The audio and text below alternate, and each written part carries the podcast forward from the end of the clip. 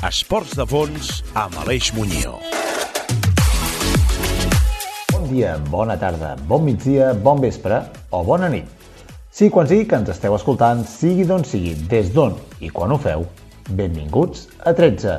Benvinguts al 13 101, el programa dels esports de fons.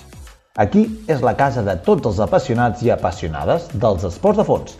Aquí és la casa de tots aquells i aquelles que no ens fa res passar fred al matí, passar calor al migdia, matinar per fer allò que més ens agrada o desafiar les hores de son i dels àpats als vespres i als migdies.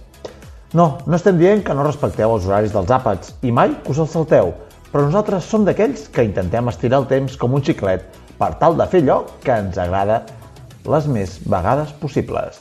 Ho necessitem i és vital. I per l'equip de 13 és vital conèixer, difondre i, sobretot, repassar l'actualitat des del nostre particular punt de vista, des de la nostra particular visió, des del nostre particular sofà. I des d'aquí, quan ens hi aturem, ens agrada mirar enrere i cercar què ha passat al món, què ha passat a prop nostre, aprendre de les novetats, dels materials, a contrastar els consells, a debatre i comentar tot allò que envolta el món dels esports de fons. I avui, si em sentiu, és gràcies al Marc Borràs de Salosport, que és qui m'ha alliberat l'esquena, el cos i tota l'atenció que em tenia més relativat que el regalís Paladú. Marc, de debò, gràcies. Com donem les gràcies a l'Antonio del Jaume I, que ens deixa preparades les bicis i els rodets Smart Trainers per treure'ls el màxim suc. Sense vosaltres, aquest programa no hi seria, perquè nosaltres tampoc el faríem. 13 una producció de We Run per a Ràdio Sabadell i que podeu escoltar a la vostra ràdio de proximitat gràcies a la xarxa de comunicació local de tot Catalunya i també subscrivint-vos al podcast de Spotify 13, tal com sona, 13. Benvinguts a 13 i benvinguts al nostre i al vostre programa d'Esports de Fons.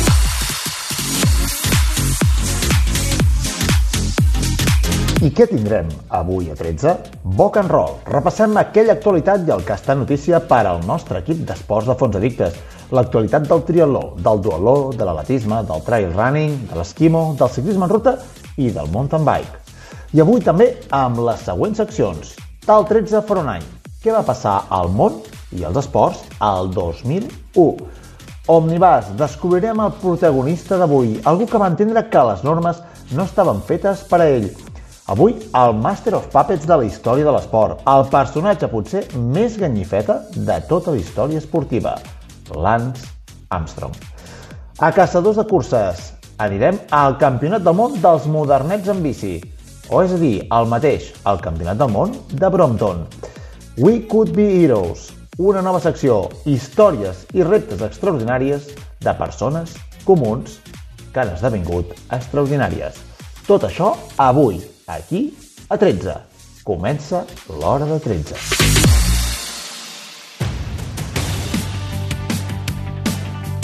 Atletisme, amb Guillem Caldés. Molt bones, Aleix i oients de 13. Aquest passat cap de setmana, l'africana Ruth Chepketik ha establert a Istanbul la nova plusmarca mundial de mitja marató, amb un temps d'una hora 4 minuts 2 segons, rebaixant així l'anterior rècord del món en possessió de Padel Yesané amb una hora 4.31, des del 21 de febrer de 2020. L'atleta caniana, campiona mundial de marató a Doha 2019, es va imposar a Estambul en un ambient humit i fresc. És el seu tercer triomf a la ciutat, prova que ja va guanyar el 2017 i 2019. És més, se li dona especialment bé a la caniana, que ja tenia el rècord femení del circuit, que fins l'altre dia era de 1 hora 5 minuts 30 segons. Ella i Yalem Zerf Yeula van lluitar per la sala al rècord del món de mitja marató a la capital turca. La keniana i l'etíop van clavar els seus temps de pas pel quilòmetre 5, amb 15 minuts 7 segons, el mateix també que Helen Oviri. No obstant això, aquesta última es va anar despenjant i Chepgetic i Yeula es van quedar soles al capdavant.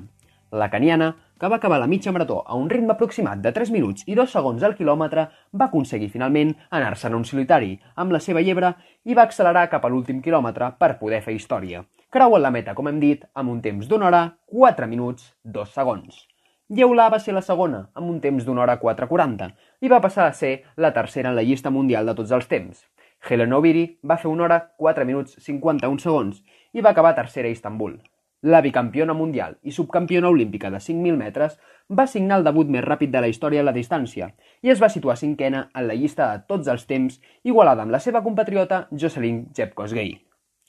És la primera vegada que tres dones acaben en menys de 65 minuts una mitja marató. En categoria masculina, Kibiwot Kandi va ser el més ràpid, però no va aconseguir batre el rècord mundial de mitja marató, que ell mateix havia establert el 6 de desembre passat a València, amb un temps de 57 minuts 32 segons.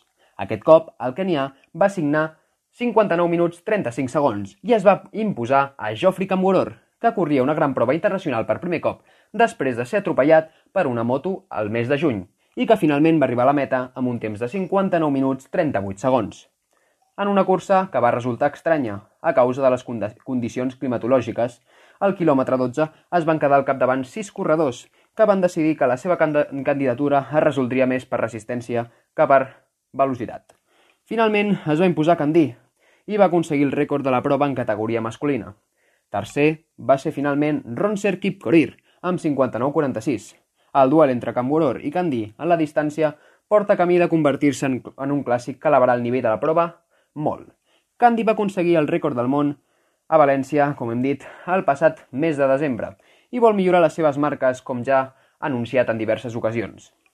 El jove ha passat per davant el ja tres vegades campió del món, Geoffrey Camoror. Ja per acabar la secció, us vinc a parlar d'una triatleta, Beth Potter, que ha batut el rècord del món de 5 quilòmetres en la prova de Barrowford, Lancashire, amb un temps de 14 minuts 41 segons. El rècord del món el tenia la keniana Beatrice Chepkoech, la mateixa que aquest cap de setmana va batre el rècord del món de mitja marató. Tenia una marca de, 40, ai, de 14-43 des del 14 de febrer. A més, Potter va pulveritzar el rècord britànic a mans de la mítica Paula Radcliffe, de 14.51. Per fer-se una idea de la velocitat de Potter, el cap de setmana, el 10K d'Ibiza, Mario Mola va passar al 5K en 14.36. Bones, Aleix oients de 13. A continuació us porto una ressenya del més interessant de la setmana pel que fa a l'atletisme. A nivell internacional, aquest cap de setmana es va aconseguir un doblet canià a la Marató de l'aeroport de Siena, gràcies a la victòria d'Eric Kiptanui, amb 2 hores 5.47, i Angela Tanui, amb 2 hores 20.08, la qual va establir la millor marca aconseguida mai a Itàlia en aquesta distància en categoria femenina. La cursa va tenir entre els seus participants a corredors d'elit internacional que no van poder participar aquest dissabte a la Marató de Xiamen a causa de les restriccions d'entrada a la Xina per la pandèmia de la Covid-19. Kip Tanui, guanyador de la Sant Silvestre Vallacana del 2017 amb una marca de 27.34 i de la mitja marató de Barcelona del 2019 amb una hora 1.04 es va imposar en una prova molt molt exigent en la qual els 20 primers classificats, tots africans, van baixar de les 2 hores 9 minuts. Pel que fa als atletes locals d'Itàlia, tenim a Stefano La Rosa amb 2 hores 11.42 i Valeria Estraneo amb 2 hores 30.33, que van acreditar mínimes olímpiques. Aquest cap de setmana també es va celebrar el Campionat d'Espanya de 10 quilòmetres, una distància on sempre hi ha una gran competència, degut a que hi ha grans corredors experts en la prova. En categoria femenina, Maitane Melero es va proclamar campiona d'Espanya per tercera vegada en la seva carrera. La pamplonesa, de 38 anys, va ser subcampiona el 2017 i 2020 i campiona el 2018 i 2019. I en aquesta ocasió va batre per gairebé dos segons a Edimar Brea, de l'Ourense Atletisme, que va acabar amb un temps de 33 minuts, 9 segons, 93 centèsimes. I també va guanyar per més de 3 segons a la fundista de Baix, Marta Galimany, de l'equip d'Adidas, que va completar el podi amb un temps de 33 11 41. Segons les declaracions de la guanyadora, només el fet de poder córrer ja va ser un regal, però el que sí que ja no s'esperava era aquest resultat, pel fet que tres setmanes abans va tenir un accident i es va trencar la cinquena sacra. Miraculosament, gràcies als fisios, va aconseguir recuperar-se. En el cas dels homes, el guanyador va ser l'atleta de Ciudad Real, Juan Antonio Pérez, més conegut com Chiqui Pérez, campió per segon cop en la seva carrera. La cursa va dominar des del primer moment, guanyant amb molta claredat amb una marca de 27-59-45, que també va ser el seu millor registre personal. Segons va declarar, per ell la cursa va ser com una muntanya russa. Pensava que estava a punt de punxar, però finalment es va recuperar. Quan faltava un quilòmetre, va veure que baixar de 28 minuts era possible i amb molt de patiment va aconseguir-ho establint, com hem dit, el seu rècord personal. Després, de Chiqui Pérez van acabar Jesús Ramos amb 28-23 i Raúl García amb un tercer lloc establint un temps de 28 minuts 25 segons. En aquesta cursa també cal destacar que els cinc primers classificats van aconseguir la mínima per la Copa d'Europa. Finalment, us porto una notícia de duatló. Aquest cap de setmana, l'atleta júnior Elena Moragas va quedar primera al Campionat d'Espanya Júnior, un nou títol nacional que s'afegeix al seu recent Campionat d'Espanya de triatló. L'atleta del Car de Sant Cugat va establir un temps de 23 minuts 31 segons, el millor temps de totes les categories menors. Per assolir la victòria van ser indispensables unes bones curses a peu de 6.29 als 2 quilòmetres i de 3.08 al quilòmetre final i un, ciclista, un ciclisme també amb un alt nivell de 10 minuts 42 segons als 5 quilòmetres. Destacar la importància d'aquesta marca ja que suposa la mínima per assistir al Mundial. Per altra banda, en categoria masculina, la victòria va ser per Juan González, amb un temps de 21 minuts 42 segons.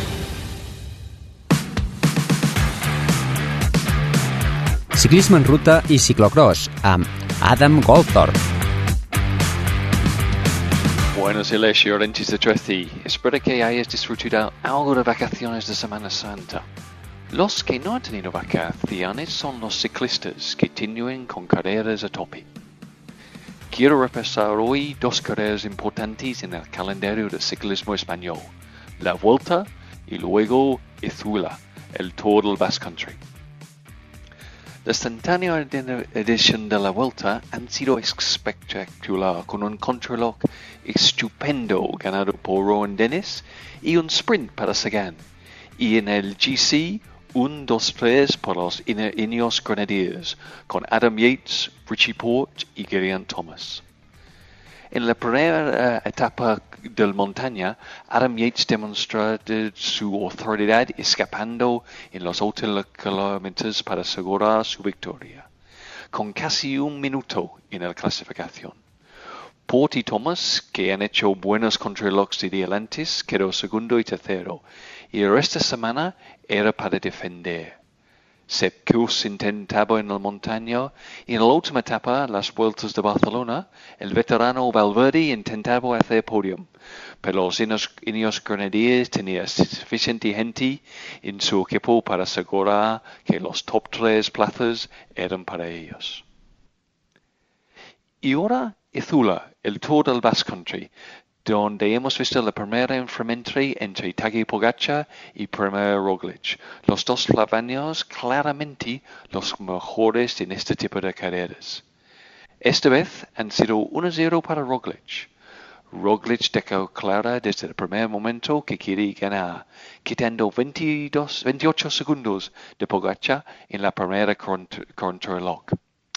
Desde entonces hemos visto entre uh, una batalla uh, entre los equipos Jumbo Visma y UAE como Roglic y Pogacar.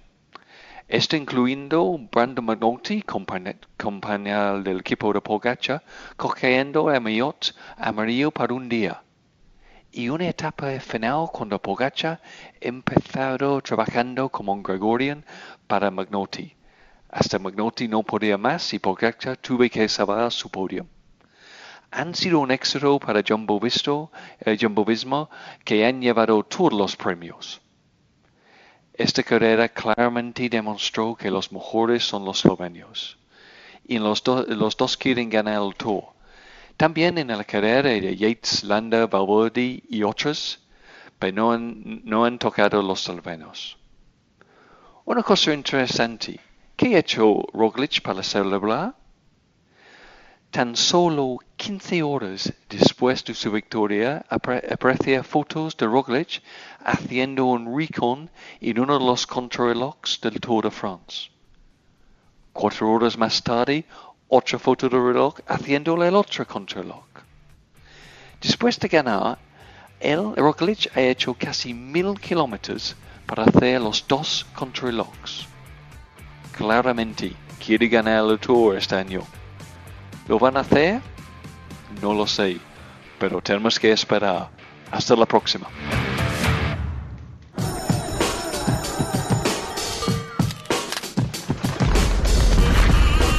Bones de nou, a les Lluiens de 13. Ara us porto l'actualitat del trail run d'aquesta última setmana. Us porto molt bones notícies des de Costa Rica. El corredor espanyol Zeitat Malek es va imposar amb claredat a la Volcano Ultramaratón de Costa Rica aquesta Setmana Santa. Aquesta prova està dividida en 6 etapes, amb una distància de 250 km i un desnivell positiu de 12.200 metres, és a dir, una absoluta barbaritat. L'edició d'aquest 2021 ha estat extrema. Les pluges torrencials han cobrat un especial protagonisme, havent de suspendre fins i tot la cinquena etapa en el cas de la modalitat per etapes i modificar el recorregut de la modalitat de 100 milles. Aid Malek va acumular un temps final de 26 hores, 55 minuts, 55 segons. L'atleta de Gimbé es va imposar en totes les etapes, compartint victòria a l'última amb Xema Martínez, el que confirma que es troba en un estat de forma excepcional. Per la seva banda, Xema Martínez finalitza la prova aconseguint la segona posició final, a una hora de Zeit. Tots els atletes van voler entrar de la mà a l'última etapa d'una competició que, com hem dit, ha estat molt dura. La cinquena etapa es va suspendre per un episodi de pluges torrencials a la zona per on passava la prova. En la sisena i última jornada, els dos atletes van compartir una victòria parcial que certificava el primer i segon lloc dels espanyols en la classificació general. Mentre que el podi d'aquesta etapa el tancava el local Ashur Youshefi. En categoria femenina, la victòria va ser per Stephanie Pierrart, que es va imposar amb claredat en totes les etapes disputades. Stephanie Pierrart es va imposar de nou en l'última jornada, després de completar-la amb un temps de 11 hores 59 minuts 19 segons, dels 80 quilòmetres que durava la Ultra. Després d'ella, tan sols 4 minuts després, va creuar la meta la toledana Maiwa Ojeda. I tancant el podi femení va arribar Yimanyi April. La corredora suïssa ho tenia clar des d'abans de començar. El seu objectiu en aquesta volcana ultramaratón era treure's l'espina que tenia clavada des de la passada edició, on no va poder obtenir la victòria. I així ha estat. Stephanie no ha donat opció a les seves rivals i s'ha alçat amb el triomf en les cinc etapes d'aquesta competició acumulant un ampli avantatge sobre les seves perseguidores. Finalment, el temps acumulat per la corredora en la classificació general ha estat de 34 hores 49 minuts 30 segons, amb la segona classificada, Mai Ojeda, a gairebé 6 hores. Una altra notícia rellevant que us duc és que aquest cap de setmana Granada acull la sisena edició de l'Ultra Sierra Nevada, un, esde un esdeveniment en el qual es donaran cita 1.800 corredors i que compta amb diverses novetats, entre elles el canvi de data. La cursa granadina es celebra el mes de juliol i en aquest 2021 canvia les altes temperatures de l'estiu per la primavera i amb trams en què els corredors passaran per zones de neu. Tot i que no és l'única novetat de la Sierra Nevada, els recorreguts han patit algunes modificacions i, com tots els esde esdeveniments celebrats a pandèmia, l'organització posarà en marxa un complet protocol Covid.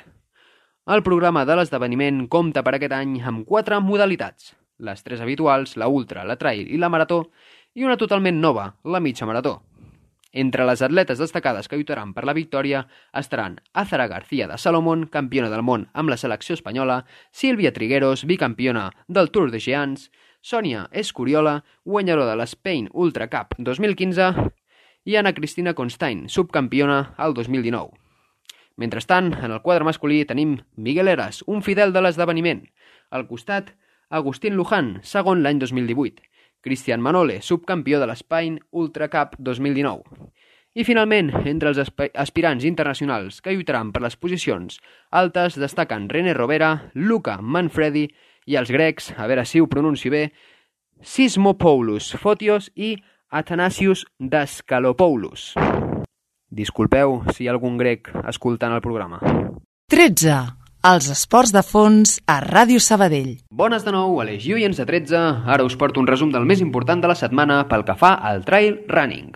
Tot i que és la secció de curses de muntanya, la notícia que us porto a continuació es podria classificar també com a notícia d'atletisme, ja que us vinc a parlar de la pujada al coll de pal des de Bagà per la carretera, és a dir, completament per asfalt.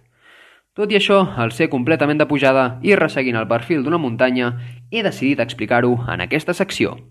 Es tracta d'una cursa inaugurada l'any 1984 per celebrar la construcció del túnel del Cadí i organitzada per l'Associació d'Amics de l'Atletisme de Bagà. Aquesta consta de 19 quilòmetres i 1.300 metres de desnivell positiu. Per tant, es pot considerar la carrera més dura en asfalt de Catalunya. En aquesta edició, l'intenció dels atletes participants era atacar els rècords del circuit. En el cas dels nois es mantenia des de 1988 i en el cas de les noies des de 1994. En el pla femení, la basca Sara Alonso, una jove atleta de Salomon, era de les favorites, amb una marca de 35-50 en els 10 quilòmetres. La seva companya d'equip, Ellie Gordon, amb els seus 34-44, també era una gran favorita. Per altra banda, també teníem a Bàrbara Ramon, amb una hora 16-49 en mitja marató, i a Spink, amb 33-36 als 10 quilòmetres. Totes aquestes atletes també van lluitar per aconseguir el rècord. Entre els homes destacaven Aleix Domènech amb 14.39 als 5 quilòmetres i campió de Catalunya de Trail 2020, Xavi Tomassa, campió de Catalunya de Marató el 2018, Roger Roca, tercer a la Marató de Barcelona 2008 i una marca de 1 hora 3.57 en mitja marató, i Dani Osanz, campió mundial sub-23 de quilòmetre vertical el 2019. Aquests atletes també van oferir una bonica lluita per marcar el millor temps. Per altra banda, cal destacar que tots els corredors de Salomon van utilitzar la sabatilla Slap Phantasm 10, un model de tan sols 190 grams, desenvolupat específicament per córrer sobre asfalt. Però anem ja a la teca. Comencem amb les noies. La carrera va ser molt disputada. Sara Alonso es va posar a tirar gairebé des dels primers minuts. S'havia fixat com a estratègia marcar el seu propi ritme des de la sortida, i això la va portar a anar-se'n per endavant des del minut 12. El seu ritme era tan fort que després dels primers 25 minuts ja havia aconseguit retallar ni més ni menys que 5 minuts al temps del rècord. Tot i això, amb les quatre aspirants al títol agrupades en poc més d'un centenar de metres.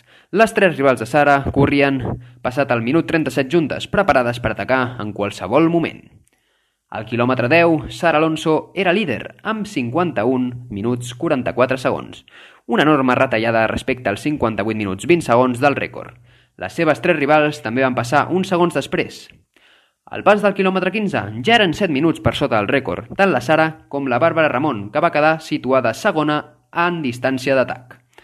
Finalment, però, va ser Sara Alonso la que va establir el nou rècord amb una hora 40. Va lluitar la victòria fins l'últim instant. I va vèncer per un minut a la seva rival més propera, Bàrbara. Cal destacar que totes les competidores, van estar per sota el rècord que ja estava establert des de l'any 1994.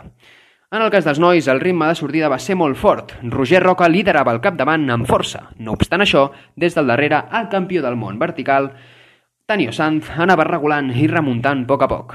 El ritme en aquests primers compassos era ja molt fort, amb fins un minut 20 per sota del rècord. A partir del min minut 25 de carrera, Osanz ja es va situar líder i va començar a tirar amb força fins a establir-se com a el primer en la classificació. Cinc minuts després havia obert una escletxa de diversos centenars de metres per davant dels seus rivals, amb Xavi Tomassa en segon lloc. Al pas pel quilòmetre 15, Dani seguia líder, destacat ara amb 2 minuts 25 per sota el ritme de rècord, despenjant a tots els seus rivals de forma molt molt àmplia. Gran cursa també de Xavi, que passava gairebé 20 segons per sota el rècord. Roger Roca, en canvi, patint més, passava a 1 minut 20 per darrere del rècord. Finalment, Daniel Osanz, de l'equip Adidas, va saber patir d'una forma agònica fins a creuar la meta, assolint un nou rècord amb un temps final d'una hora 22.39, el que va suposar un gran salt endavant després de més de, 3, de 30 anys. Fa 20 anys que ens trobàvem al 2001 i no va ser precisament Odissea en l'espacio com havia pensat en Kubrick. Va ser un any com un altre, però amb la superació de l'efecte 2000, què va passar al món i als esports al 2001? Lai Estreguer ho sap ben bé. Tal dia farà un any. I ja han passat 20 anys d'aquell 2001, un any que es va veure marcat sobretot pels atemptats de les Torres Bessones. L'11 de setembre d'aquell any, dos avions conduïts pels segrestadors suïcides de l'organització Al-Qaeda van estavellar-se un contra cadascuna de les torres bessones de Nova York i en van causar la destrucció total. Van morir gairebé 3.000 persones. A més, un tercer avió es va estavellar contra el Pentàgon i un altre va caure a l'oest de Pensilvània, abans d'arribar a l'objectiu. L'atemptat va desencadenar un, un enduriment en la política exterior dels Estats Units d'Amèrica, encarnada sota el lema Guerra global contra el terrorisme, desenvolupada pel govern de Bush i que va conduir a la guerra d'Afganistan i a l'invasió d'Iraq el 2003. Altres successos que van passar aquell 2001, també a Israel va haver-hi l'atemptat contra el delfinari de Tel Aviv. A més, eh, pel que fa a l'àmbit més tecnològic, Tony Fadell i Apple van posar a la venda el primer iPod. A Itàlia, en aquest cas a Pisa, va reobrir al públic la Torre de Pisa, després d'una dècada d'obres per, per reconstrucció i estabilització i també a Itàlia, però en aquest cas a Gènova, va morir Carlo Giuliani, l'activista antiglobalització en un dels enfrontaments contra la policia. I en el món dels esports d'aquell 2001, el Tour de França es va disputar del 7 al 29 de juliol, tot i que aquell any, excepcionalment, no va tenir guanyador oficial. Després que Lance Armstrong va perdre el seu contenciós contra l'agència antidopatge als Estats Units i va acabar sent despullat del seu rècord de 7 títols del Tour de França, la Unió Ciclista Internacional va apuntalar les sancions de l'Agència Antidopatge als Estats Units i va decidir no adjudicar victòries a cap altre corredor, ni millorar altres posicions en cap dels esdeveniments afectats. Per tant, el Tour de França 2001 no va tenir un guanyador oficial. Pel que fa al Giro, va quedar en primera posició Giliberto Simone. I d'altra banda, pel que fa a la Vuelta, en la primera posició va quedar Ángel Luis Casero, que a més a més la Vuelta es va disputar del 8 al 30 de setembre. Pel que fa al Campionat del Món de Ciclisme en Ruta, que per cert es va disputar a Lisboa, a Portugal, en la categoria masculina va quedar en primera posició Òscar Freire i en la categoria femenina van quedar en primera posició Rasa Polikivskuta. D'altra banda, el Campionat del Món de Triatló, que es va celebrar a Suïssa, en la categoria masculina va guanyar l'alemany Zibi Slufkev i en la categoria femenina va guanyar també l'alemana Sigrid Lang. Finalment, en el campionat de ciclocross d'aquell 2001, que es va celebrar del 3 al 4 de febrer, i a més a més es va celebrar a República Txeca, en la categoria masculina va guanyar Erwin Verbecken i en la categoria femenina Hanka Kufernangel. Si el primer home en trepitjar la Lluna va ser Neil Armstrong i un dels precursors del jazz va ser Louis Armstrong, avui a la secció d'esportistes ganyifetes volem parlar-vos de l'Armstrong americà que té el repòquer en el Campionat del Món i totes les enciclopèdies escrites de les trampes i els transposos.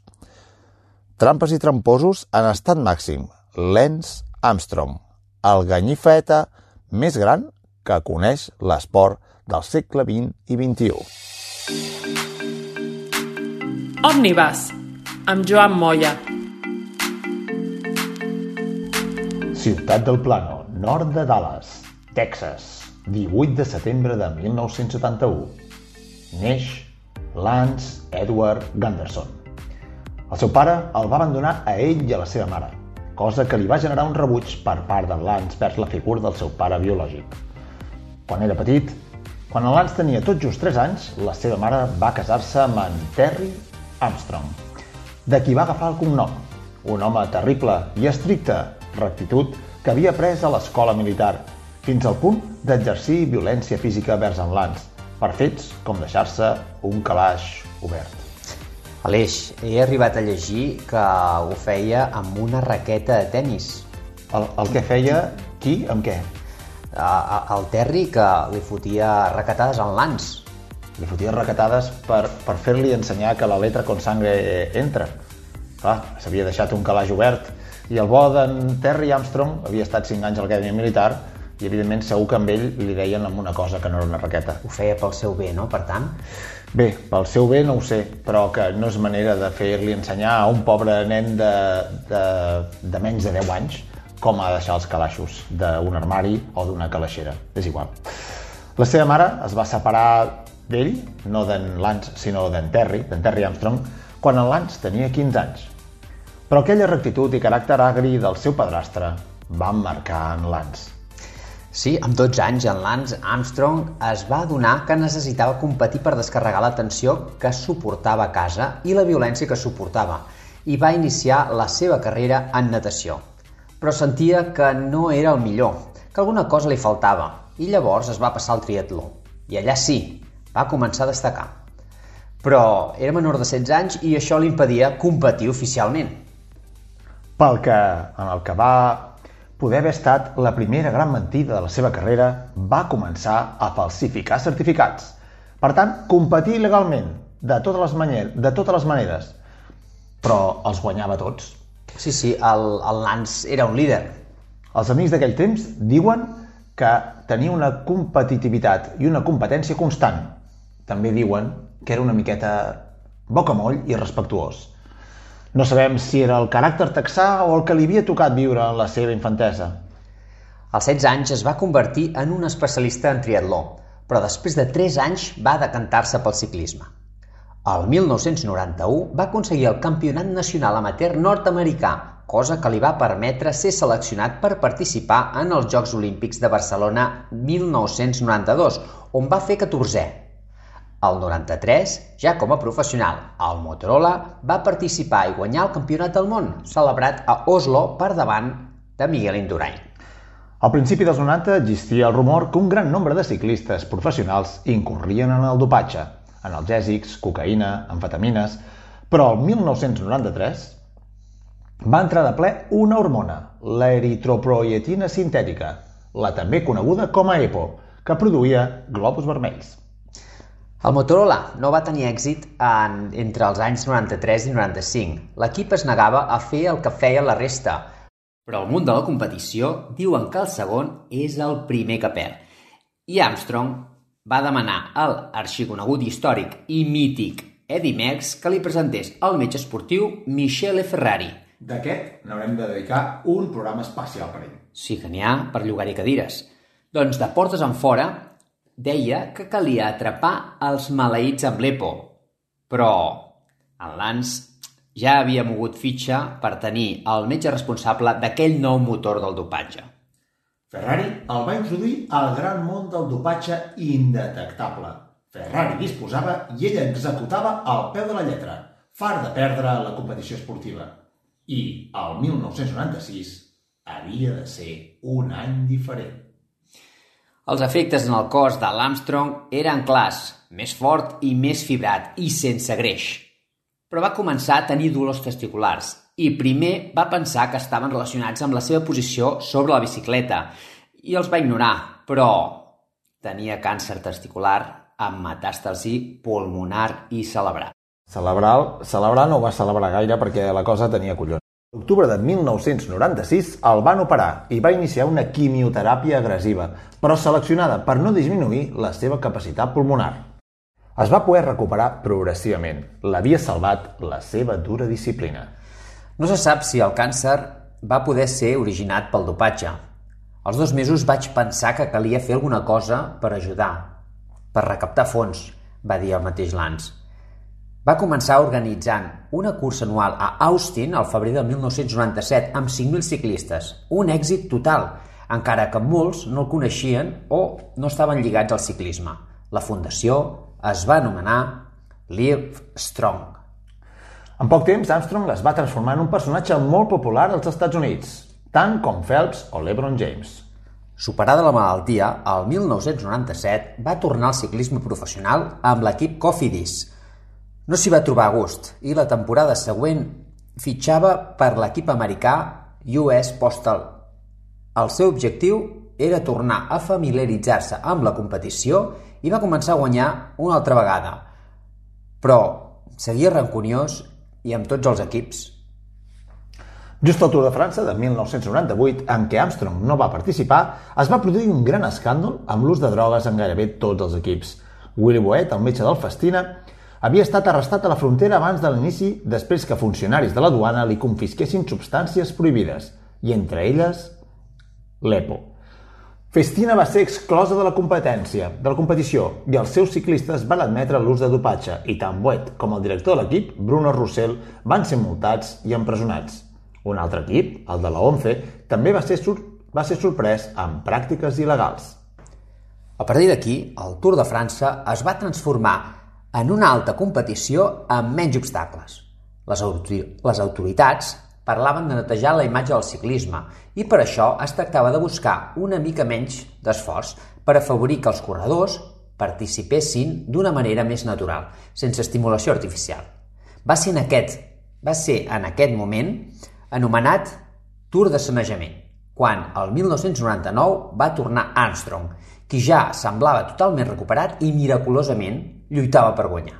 De totes maneres, va ser una il·lusió, ja que l'EPO seguia difós entre tots els equips. Quan Armstrong es va imposar al Tour de 1999, alguns investigadors van recórrer llavors a la Bristol Myers Squibb, l'empresa de quimioteràpia que va tractar Armstrong, perquè desconfiaven totalment de les seves possibilitats reals de guanyar de manera natural després d'un càncer com el que havia patit però amb la paradoxa que com més sospites, més popularitat aconseguia, perquè la seva causa d'haver tornat amb glòria després d'haver estat a prop de la mort generava enorme admiració. Cada vegada més gent apareixia als costats de les carreteres amb la seva samarreta de Life Strong o les pulseres grogues amb senyal de suport. I els Estats Units van començar a seguir-les. Les seves carreres amb expectatives en pantalla gegant. Va ser un fenomen de masses. Però Lucy va fer els ulls grossos quan, després de detectar dopatge per positiu en cortisona, va dir que havia utilitzat una crema per la pell i que ja havia estat receptada prèviament. El cert és que era la massatgista de l'equip, Emma O'Reilly, qui li injectava cortisona per la via intramuscular i dissimulava aquestes punxades tapant-ne les cicatrius.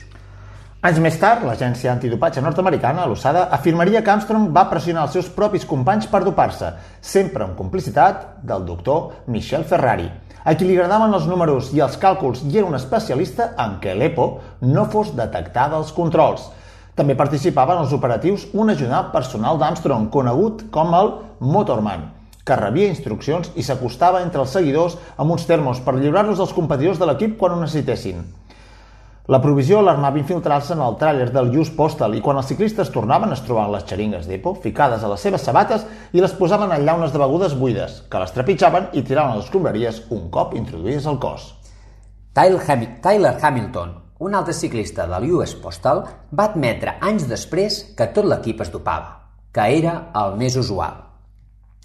Les maniobres d'Armstrong amb Ferrari van enutjar definitivament a Lemon, l'anterior nord-americà tricampió del Tour. En Greg LeMond. En Greg LeMond. El que va generar un, una enemistat entre ells, mentre que l'organitzador del Tour de França, Jean-Michel Leblanc, manifestava... Jean-Michel és Jean-Michel Jarre, aquest que feia música, aquest és el Jean-Marie Leblanc. Jean-Marie, he llegit massa ràpid. Sí. Jean-Marie Leblanc. Doncs en Jean-Marie Leblanc manifestava que no estava feliç amb aquesta relació entre el ciclista Greg LeMond i... Uh, perdó, entre el ciclista Greg LeMond, no, entre el ciclista... Armstrong. Armstrong i el metge, Ferrari, que havia estat condemnat per frau esportiu, encara que després va ser absolt de tots els càrrecs per un tribunal italià d'apel·lació. Quan això va passar, ja era després que Armstrong guanyés diversos tours i llavors es va allunyar del facultatiu per tenir, segons ha dit, zero tolerància per algú condemnat per usar o facilitar dopants. És a dir, Armstrong, teòricament, després de que el Jean-Marie Leblanc s'hagués enfadat una miqueta al director del Tour, representa que es va separar del es va des, Michel es va desvincular, desvincular perquè no el barregés. Sí? És a dir, que mentre continuava utilitzant dopatge, Armstrong seguia mostrant-se com un abanderat de la lluita contra el dopatge. Entre el 1999 i el 2002 va ser l'etapa d'or d'Armstrong, qui semblava imparable. Tot i que les sospites creixien paral·lelament, el Just Postal, amb el seu director Joan Brunel, portava cada vegada millors ciclistes per a l'equip. Vyacheslav Ekimov, George Incapí, Tyler Hamilton, Checho Rubiera i l'espanyol Roberto Eras. Ni guanyadors anteriors de tours com Jan Ulrich o Pantani ni José Babeloki van poder-lo frenar el 2003. Ja va, havia aconseguit llavors igualar l'espanyol Miguel Indurain amb 5 Tours de França. El 2004 la victòria va ser aclaparadora, traient-li 6 minuts al seu perseguidor, l'alemany Andreas Kloden. El 2005 va tornar a guanyar, però amb l'equip Discovery Channel, hereu del Just Postal Services, aquest cop guanyant i batent el segon classificat Ivan Basso. El 2000, davant els rumors que havien aparegut mecanismes per detectar l'EPO i segons la denúncia posterior de la usada, Armstrong i Ferrari van decidir optar per un altre mètode d'engany. El ciclista Hamilton, Hamilton va denunciar que van utilitzar un discret hotel de, a València per transfondre la seva pròpia sang extreta dies abans amb la idea de fer-se la transfusió per tenir més globus vermells propis, cosa que ja estava prohibida des del 1986. La injecció es produïa en el dia 11 dels 21 dies que dura el Tour. Dos dies més tard d'haver-se produït a aquesta transfusió, Armstrong va aconseguir atrapar a l'italià Pantani a la classificació d'aquell Tour, qui havia estat desqualificat per irregularitats sanguínies en competicions anteriors, pedalant de manera espectacular a la muntanya a més de 2.000 metres, una cosa molt poc usual. Ja amb sis Tours de França al seu palmarès, Armstrong, qui miraculosament seguia l'Odin Controls, s'havia convertit en una icona internacional – especialment quan a més havia iniciat una relació sentimental amb la cantant de rock Sheryl Crow, sumada a la seva fundació.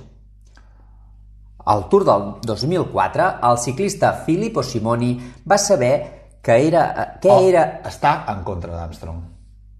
Va saber que era estar en contra d'Armstrong, perquè tots coneix, coincideixen que no hi havia terme mig. O s'estava amb Armstrong o contra ell. Era una persona de diàleg, de que podia entendre grisos, diguéssim. No, no. No massa, no massa. Simoni ja havia testificat el 2001 contra Ferrari.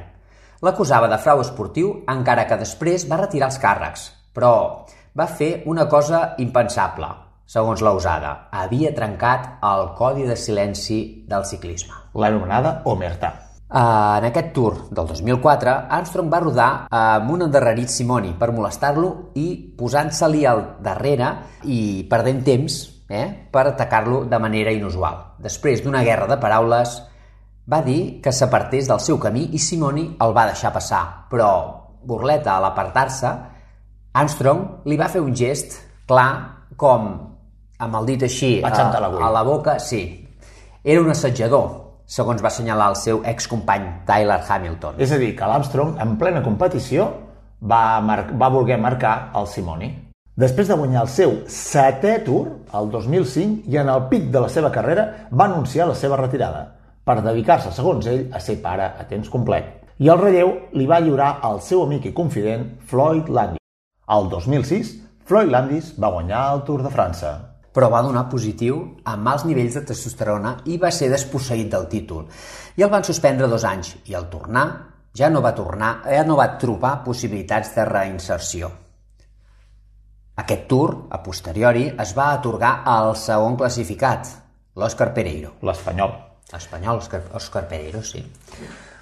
Aquest fet, el fet de, de l'ascensió de Floyd Landis, va acabar sent fatal per la carrera d'Armstrong, que va anunciar en el lloc web de la seva fundació el 2009 que tornava a la competició amb l'equip Astana, una altra vegada amb John Brunel i que també integrava a un ciclista que potser el coneixeu, l'Alberto Contador. Era tal la idolatria que sentien per ell que en una de les competicions va tenir un accident a l'altura d'una localitat a Palència on es va fracturar la clavícula. Els habitants fins i tot van fer un monument al lloc on havia caigut. El, Ai, que m'ofego. El 2010, al costat de Brunel, va organitzar un nou equip, el Team Radio Shack, però sense gaire èxit. Van acabar en el lloc 23 del Tour, fins que va anunciar la seva retirada definitiva el 2011, tot just fa 10 anys. Joe Lindsay, escriptor lligat al ciclisme, va dir que això de no ajudar a Landis va ser un greu error. El 2010, Landis es va reunir en un restaurant de Beverly Hills amb un agent de ciclisme i va gravar tot el que va dir, saltant-se tots els codis de silenci dels ciclistes i va parlar sobre anys de mentida sobre el dopatge de l'equip US Postal. Això va ser l'inici de la fi d'Armstrong, encara que no ho va esmentar mai. El que va dir Landis va arribar a l'Agència de Drogues i Aliments, la FDA, que el van anar a veure i aquí sí ja van donar totes les dades. La FDA va iniciar una investigació formal. El problema era si l'US Postal estava fent frau per dopatge i traficant substàncies il·legals mentre era favorit per un patrocinador federal dels Estats Units. Ah, Bàsicament, és que el, aquest equip estava traficant, i fet, més que traficant, estava prenent substàncies il·legals i estava rebent diners de l'Estat. Per tant, era com un equip corporatiu del país. I, a més a més, les substàncies havien d'anar als diferents països on hi havia les competicions. Per tant, Just això estava enviant era material de dopant. drogues. Clar. El 12 de juny de 2012, la USADA va acusar formalment a Armstrong d'usar EPO, transfusions de sang, testosterona i corticoides entre 1998 i 2011. El 10 d'octubre va presentar davant la UCI l'informe amb més de 1.000 pàgines amb declaracions de 26 persones, entre ells 11 excompanys d'Armstrong, i que van involucrar, a més, a Michel Ferrari. També van involucrar els metges Luis García del Moral, José Martí, l'espanyol Rubiera. En canvi, va dir que en els 5 anys en què van coincidir mai no el va veure dopar, dopar-se. El 22 d'octubre d'aquell any, l'UCI va fer efectiva la sanció de per vida i el va desposseir dels 7 tours. Els patrocinadors Nike, Trek, Oakley i Giro el van abandonar. Va renunciar com a president de Livestrong i al gener de 2013, en una emotiva entrevista amb Oprah Winfrey, a la televisió dels Estats Units va admetre per primera vegada haver pres substàncies prohibides. El Comitè Olímpic Internacional el va desqualificar del tercer lloc dels Jocs Olímpics de Sydney 2000. Però això no acaba aquí. O, o potser, en realitat, s'obre una nova etapa i forta després de l'escàndol que va suposar l'acceptació del seu dopatge. Aquests últims dies ha sorgit una nova controvèrsia i uns nous vídeos. Jean-Pierre Verdy, cap de l'agència antidopatge francesa entre els anys 2006 i 2015, acusa el nord-americà d'utilitzar un motor en la seva bicicleta per tal de millorar el rendiment en les set victòries del Tour de França, de les quals va ser desposseït després d'admetre que s'havia dopat. La realitat és que Armstrong dona valors de 7,4 watts quilo durant més de 9 minuts en una pujant l'Alpe d'Huez, després de 6 hores d'esforç, havent passat per la Madeleine i el Glandon. Tots sabem que donar més de 6 watts quilo està considerat que no és possible pel cos humà. El conjunt d'imatges d'aquests vídeos de diferents seqüències dins el Tours deixa en evidència el nord-americà. En aquestes imatges s'aprecia com Lance fa un gest estrany a la part posterior, com si toqués, com si toqués la part de sota del seient. Després de realitzar aquest gest, el corredor augmenta la seva velocitat i un altre fet sospitós, augmenta la seva velocitat i la seva cadència sobre la bicicleta. La polèmica entorn Lance Armstrong segueix més viva que mai i, de moment, ell encara no s'ha manifestat. Però si mai us trobeu en Lance Armstrong, jo no m'hi jugaria ni competiria res amb ell, ja que porta tota una vida fent el doble joc i, sobretot, ha demostrat que les normes hi són per saltar-se-les i ell té les seves pròpies i no fa les dels altres. Bellugar-se sosteniblement, anar a treballar caminant, corrent o en bicicleta. És millor per nosaltres i també per al planeta. Però si us diem que anar en bicicleta és bo i ens apassiona, per què li diem bicicleta a les pocket bike dels modernets? Doncs perquè també es pedala. Sí, elles són les denominades Brompton, unes bicicletes que generen passió arreu del món i que tenen el seu propi campionat del món. I avui ens endinsarem a caçadors de curses en el campionat del món dels modernets, el campionat del món de Brompton, que va i resulta que no s'ha pogut disputar enguany, que era a Londres. Brompton, bicicleta plegable de ciutat que s'autoproclama abanderada del disseny cosmopolita. El 1975, Andrew Ritchie va dissenyar una bicicleta plegable al seu apartament davant de la capella de Brompton, a South Kensington, London. El 1988 es va començar a produir en sèrie. Modernet. Modernet, equivalent a hipster, és un terme que popularment s'ha utilitzat per fer referència a una subcultura internacional contemporània que està formada principalment per membres de la generació I, que viuen en zones urbanes. Aquesta subcultura s'ha definit com un gresol canviant d'estils, gustos i manera d'actuar. A més, el terme s'associa generalment a individus que s'identifiquen amb la música alternativa i indie, amb una sensibilitat per la moda poc convencional, com l'estil vintage i les botigues de segona mà, amb una ideologia pacifista i verda, amb el menjar ecològic, vegà i casolà, i en definitiva amb un estil de vida alternatiu. Els modernets se'ls considera bohemis joves de classe mitjana que viuen a barris aburgesats. Ciclista. Aquell qui practica ciclisme, persona que munta en bicicleta per afició o com a professional. Campionat del món. Competició internacional amb l'objectiu d'otorgar el títol de campió mundial d'una determinada disciplina o activitat.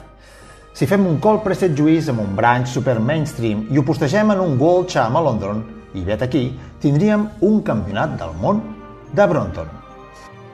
En condicions normals, a hores d'ara de l'any, tots els modernets hipsters estarien esperant impacients l'anunci dels últims detalls del Campionat Mundial de Brompton. L'equip de 13 estaria amb l'unitat mòbil preparada per tant el anhelat dia. Malauradament, aquest any no serà així. Aquesta, aquesta setmana s'ha anunciat que l'edició de 2021 de la Ride London, que havia d'albergar el Brompton World Championship al maig, s'ha cancel·lat a causa de la pandèmia de coronavirus. Han estat les autoritats de Londres les que han pres aquesta decisió després d'analitzar la situació de manera conjunta amb les parts implicades en l'esdeveniment. Ride London ha decidit centrar els seus esforços en un esdeveniment virtual que s'ha de celebrar més endavant aquest mateix any. Per tant, potser, potser no podrem fer en Brompton, però potser ho podrem fer a Swift. Correcte.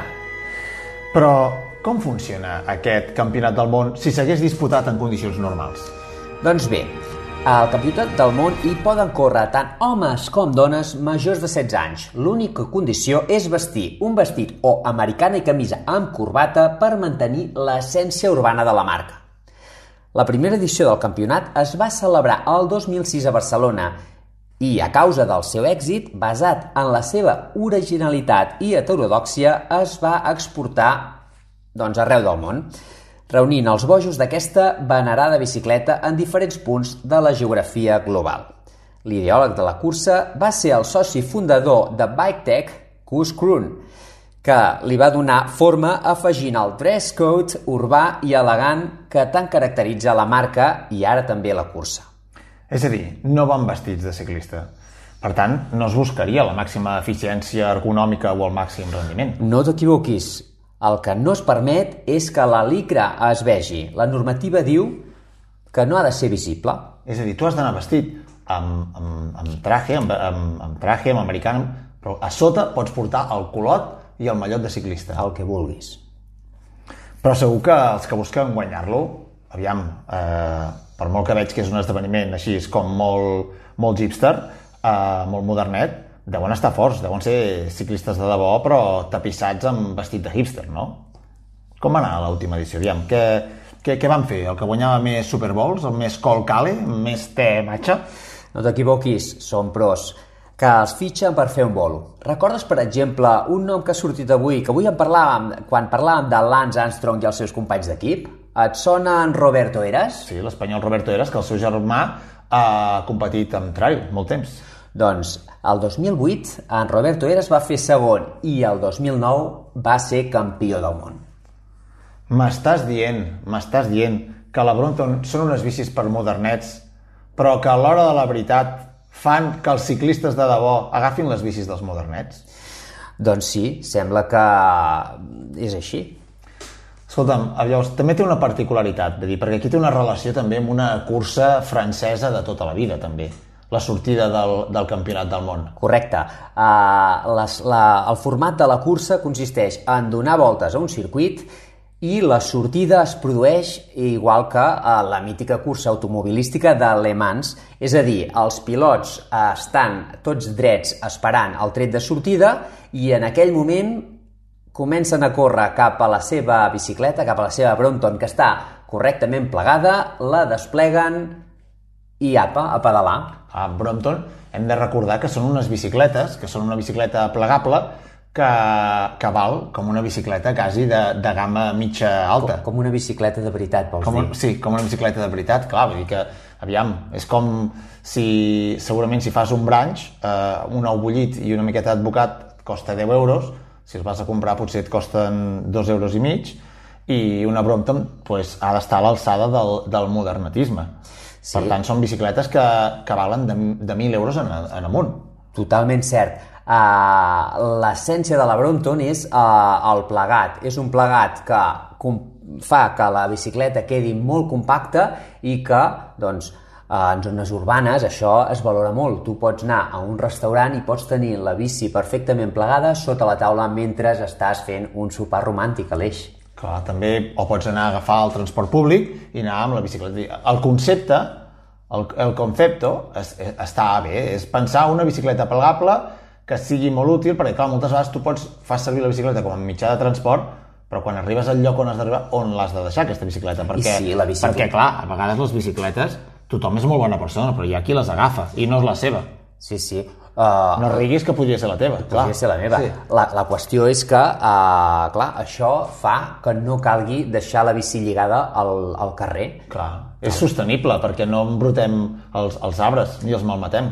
De fet, amb el que et costa doncs Podries plantar entenc, uns quants arbres, eh, també. Entenc, sí, i entenc, entenc que la portin a tot arreu. Clar, no és que diguis, oi, no és que... Clar, és que amb el que t'ha costat, jo no vaig deixar, per exemple, el meu cotxe obert o el meu ordinador pel, pel carrer lligat amb un candau. Mm. Jo penso que uh, el preu ve de que, bueno, que han resolt molt bé el plegat i és una bicicleta... Bueno, han fet una pijada també, no ens enganyem. Sí, això l'han adoptat doncs, bueno, aquesta, aquesta tribu urbana que has definit abans i, i que evidentment eh, una bicicleta Brompton té fama de ser molt fiable mecànicament, de tenir molt poques avaries i que et duri tota la vida. Vull dir que en aquest cas eh, potser la inversió potser valdria la pena.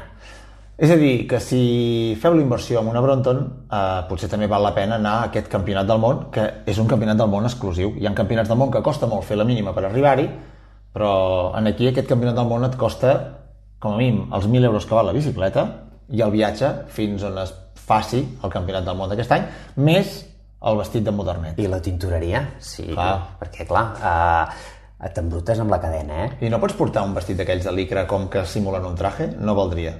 No, no, no. La liga està prohibida de forma visible. Clar, ai, lícrit. Ai, líquid. Doncs res, tu, esperarem fer-ho, aviam si podem fer el Swift eh, amb les nostres particulars bicicletes. Ah, això mateix. Senyors de Bronton, seguiu-li fotent. I 101 hores després, acabem acomiadant el 13 d'avui. Amb la col·laboració de Joan Moya, Adam Goldthorpe, Guillem Caldés, Xavi Palaí, Laia Estreguer, Sergi Latorre, amb el suport tècnic de Roger Benet i de Toni Gonzalesi. I ara, 13, quan vulgueu i on vulgueu. Recordeu, ja som a Spotify. Teniu a la vostra disposició el podcast setmanal de 13. 13, tal com sona, en lletres. Podreu linkar-vos el link directament des del nostre perfil d'Instagram, arroba 13 espai esports de fons. De debò, gràcies per formar part de la família de 13 i d'aquests 101 programes. Una producció de We Run per a Ràdio Sabadell i que podeu escoltar a la vostra ràdio de proximitat gràcies a la xarxa de comunicació local de tot Catalunya. Per fer-vos aquesta descoberta de l'entorn teniu la llista de Spotify 13 BCO, 13 banda sonora, on hem anat afegint totes les cançons del nostre imaginari, setmanalment, i afegim la cançó pertanyent a cada any que es correspon amb el número de programa. I avui, per acomiadar el programa 101, us deixem amb Me Gustas Tu, d'Esperanza de Manu Chao, un èxit, un clàssic del 2001, positiu, optimista i segur que us farà dibuixar un bon somriure.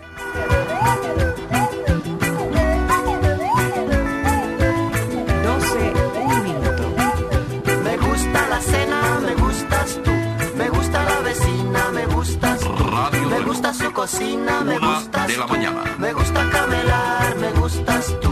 Me gusta la guitarra, me gustas tú. Me gusta el reggae, me gustas tú. ¿Qué voy a hacer? Je ne sais pas. ¿Qué voy a hacer? Je ne sais plus. ¿Qué voy a hacer? Je suis perdu. ¿Qué horas son, mi corazón? Me gusta la canela, me gustas tú. Me gusta el fuego, me gustas tú.